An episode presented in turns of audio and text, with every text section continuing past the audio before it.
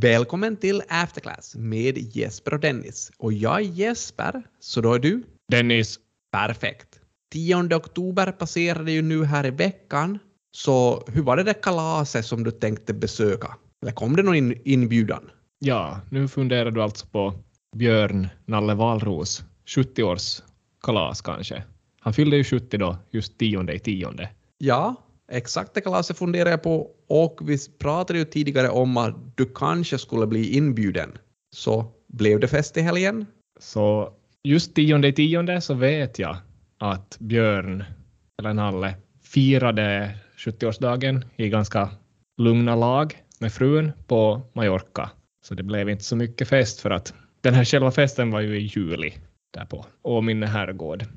Så den skedde alltså före vi började prata om att någon skulle få en eventuell inbjudan? Jag läste också i veckan om det här att uh, Sampo ju ska byta styrelseordförande. Att det är ju Nalle just nu och våren 2023 ska inte han vara det längre. Och uh, man säger ju att nästa ordförande i praktiken är vald, men man har inte ännu gått ut med namnet. Så kanske vi väntar tills våren och ser vem som får revansch.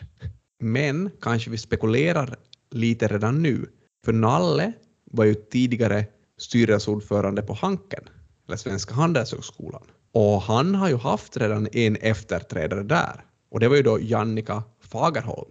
Så kanske Jannika skulle vara aktuell för styrelseordförandeposten i Sampo. Ja, hon efterträdde ju de facto just på Hanken honom och hon är ju vice ordförande just nu i Sampo.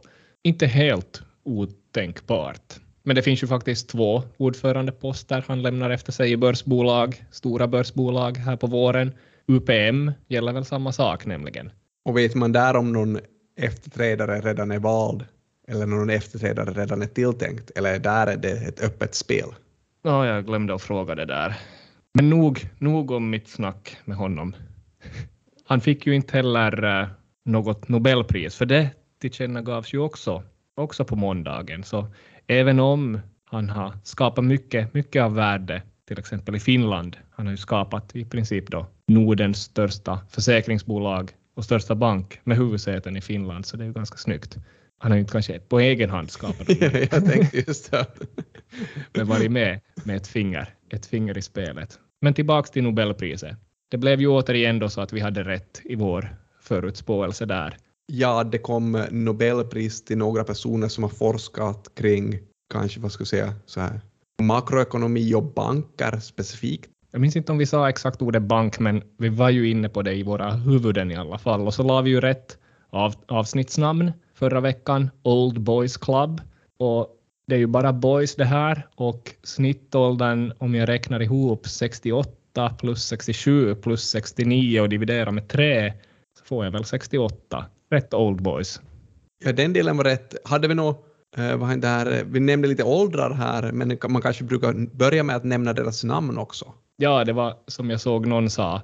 Priset gick till Ben Bernanke och två forskare. Och de här två forskarna var? Philip Dybvig och uh, Douglas Diamond.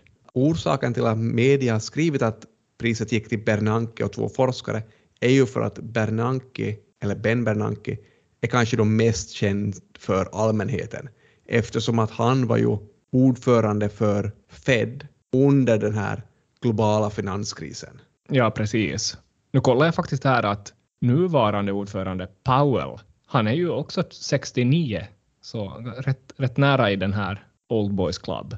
Så kanske Powell blir aktuellt för ett framtida pris. Om vi hoppar tillbaka till Bernanke så var det ju lite speciellt att just Bernanke råkade vara ordförande för Fed under den här globala finanskrisen.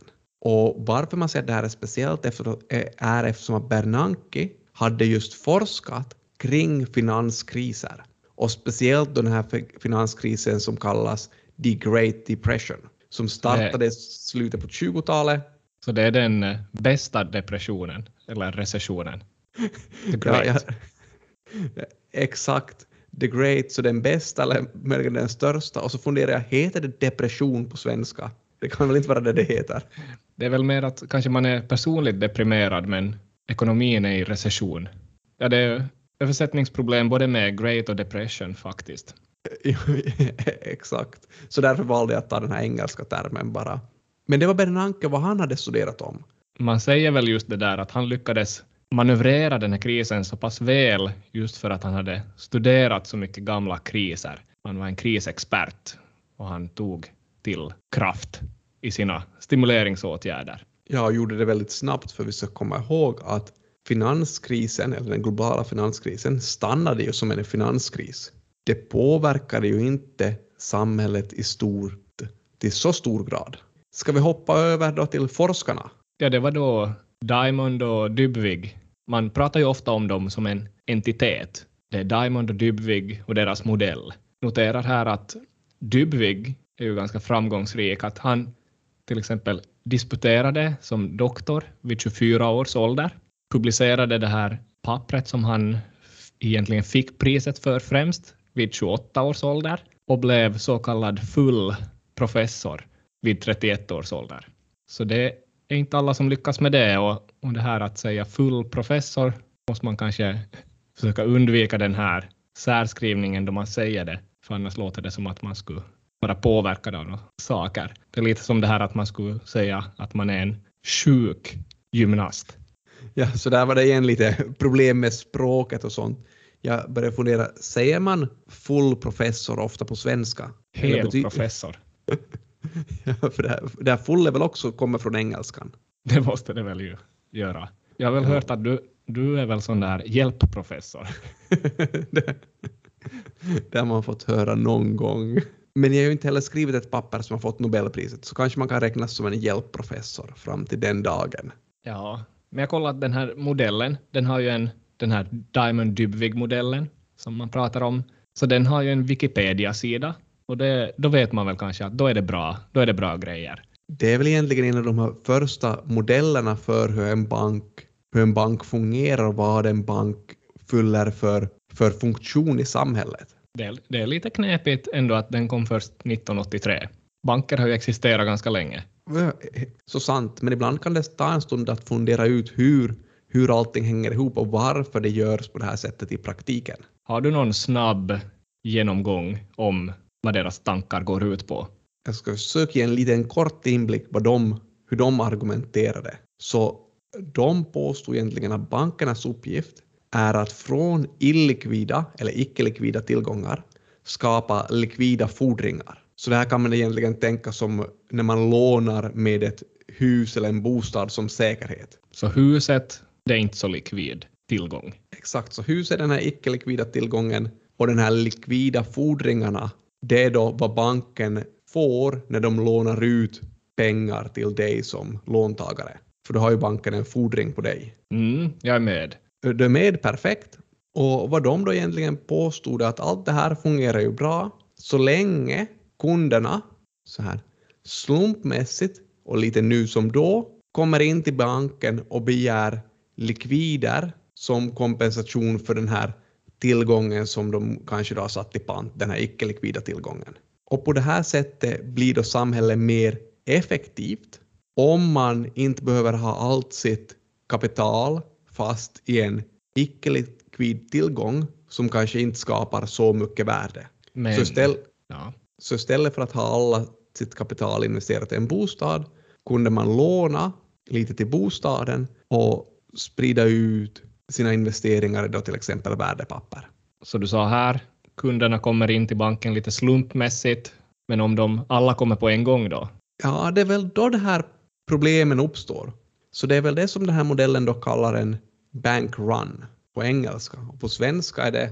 Någon löp, löptävling för banker? Nej, det här är inte en löptävling för banker, utan det här handlar om att det är väldigt många kunder samtidigt som går och tar ut sina likvida medel från en bank. Och då kommer förmodligen inte banken ha tillräckligt med likvida tillgångar för att ge ut de här likvida medlen. Så man måste springa till banken om man ska hinna få någonting? Ja, möjligen är det därifrån som det här bank, bankruns kommer. Så i princip vad modellen säger eller berättar för oss är att bankerna kommer hela tiden till få ta ett litet premie för att de då tar de här icke-likvida tillgångarna och ändrar om det till likvida fordringar. Så de får förtjäna lite på det här i utbyte mot att de tar den här risken då att det kan ske en sån här bankrun. Och det här tankesättet har då eh, legat till grund för hur vi tänker kring banker idag. Så det här är ju ett sånt här fullständigt teoretiskt papper. Men det finns ganska många praktiska implikationer och konsekvenser kanske av det här forskningsområdet kan man påstå. För kan man nästan dra det till att, att lite sån här stabilitetssystem som finns för banker, lite insättningsgaranti och sånt kan kopplas till det här. Ja, det är ju som vidareutvecklingar på de här tankarna som de hade i det här 1983-artikeln. Så absolut finns det en koppling. Men ett litet mästerverk, eller ett stort mästerverk, kan vi alltså konkludera. Du och jag har ju inte gjort så mycket sån här bankforskning egentligen, så vi, vi är väl inte 100 procent insatta i det hela, men, men just den här Diamond har vi väl refererat till nu och då. Douglas, eller Dogge. Douglas som vi brukar kalla honom. Ja, det har vi gjort för det här pappret vi pratade om tidigare var ju ett teoripapper. Men ofta om man är teoretiker så kanske man gör teoripapper i andra områden också. Och Diamond har bland annat gjort papper tillsammans med en person som vi nämnt tidigare här i podden, Verecchia. Och de har då speciellt funderat kring och studerat hur rapportering påverkar till exempel kapitalkostnaden för företag. Väl citerad artikel från 1991 som också vi citerar i vår, i vår forskning så har de visat att genom att rapportera mer till allmänheten så kan man minska på den här asymmetriska informationen mellan allmänheten och företagets eh, ledningsgrupp.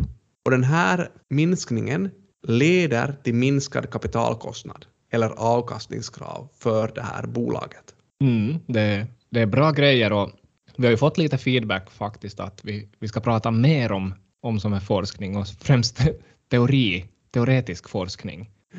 För det är så lätt att ta till sig. Ja, det, det, som, det slinker in direkt. Man kan konsumera det snabbt. Eh, sån här, det som just Diamond håller på med. Men, men om vi ändå måste gå lite mot det populära hållet och inte prata så mycket teoriforskning så Bernanke sa vi, han löste den förra krisen, men det finns väl också kritiker som säger att kanske han skapade nästa kris. Eller den här kommande krisen som vi just nu kanske går in i. Ja, exakt. Och det här skulle då vara på grund av de här stimulanserna som räddade oss då genom den förra krisen. Alltså de här låga räntorna och köp av statsobligationer. Och vi har klagat lite på det här tidigare också. Men då lät klagovisan lite annorlunda. Så då klagade vi på att de här stimulanserna har lett till någonting som vi kallade tillgångsinflation. Ja, just det. Det var i ett skede då man kan säga lönerna hölls på samma nivå, men tillgångarna blev bara dyrare och dyrare. Så i princip fick man en lönesänkning då. Ja, och det här märktes ju speciellt i storstäderna. Det blev bara dyrare och dyrare att köpa en bostad till exempel. Men nu kanske det här har vänts om, för nu har vi nästan tillgångsdeflation. Att nästan alla tillgångar minskar i värde. Bostäderna blir billigare i storstäderna. Eh, det blir billigare att handla aktier, eller aktiepriserna går ner. Våra löner ökar ju fortfarande inte, men det verkar som att tillgångarna har blivit billigare. Så är vi nöjda nu då? Ja, är vi nöjda? Vad ska man säga? Vad kan man ge till någon som redan har allt? Det ska vara en, ett mothugg, men eh, ja, lönerna ökar ju inte i alla fall. Man funderar om det kan bero på att vi är på en handelshögskola eftersom en handelshögskola oftast leds av någon som också själv har studerat på en handelshögskola. Och ny forskning har visat att om ledningen består av personer med avgångsbetyg från en handelshögskola så minskar det faktiskt på de anställdas löner. Den här studien har väldigt exakt estimerat den här effekten av att ledningsgruppens medlemmar har studerat på handelshögskolor och de säger att fem år efter att man utnämner en sån ledare så minskar lönerna med 6 procent. Och det här är då baserat på, det, på ett amerikanskt stickprov. Man har gjort en liknande sak också i Danmark och där kom man fram till att lönerna i samma situation minskade med 3 procent. Så jag vet inte hur jag ska tolka det här nu. Min ultimata chef i nuläget har ju nyligen bytts från Karen, föregående rektor, till Ingmar eller Inko den nya rektorn. Båda vad jag vet har väl papper från en handelshögskola, så kanske inte kommer att ske någon dramatisk förändring då. Ja, det får väl, det får väl hoppas, åtminstone att det inte blir någon dramatisk sänkning. Eh, lite roligt var kanske att jag i veckan också hade en uppgift för mina studenter där de skulle komma fram till hur man kunde öka värdet, så ägarvärdet på ett företag.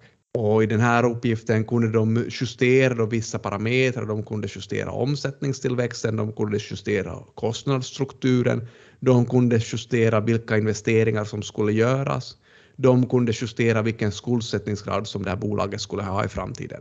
Och största delen av mina studenter kom fram till förslaget att för att öka på det här företagets värde så ska man dra ner på lönekostnaderna. Och de är ju snart, kanske förhoppningsvis, utexaminerade också från en handelshögskola, så det är ju helt i linje med resultaten då, alltså. Det är alltså du som är ansvarig för det här. Jag börjar bli orolig för det, men jag försökte också säga till mina studenter att, att sänka de här lönerna är en ganska så här kortsiktig lösning på det här problemet att man vill öka på företagets värde. Ja, kanske man skulle hitta några investeringar till exempel. Ja, att man försöker skapa någonting. Varje vecka. Ja, det tänkte jag. Ja, men kanske vi avslutar som vi alltid gör då. Att vi återkommer med nya insikter och värdeskapande nästa vecka i After Class.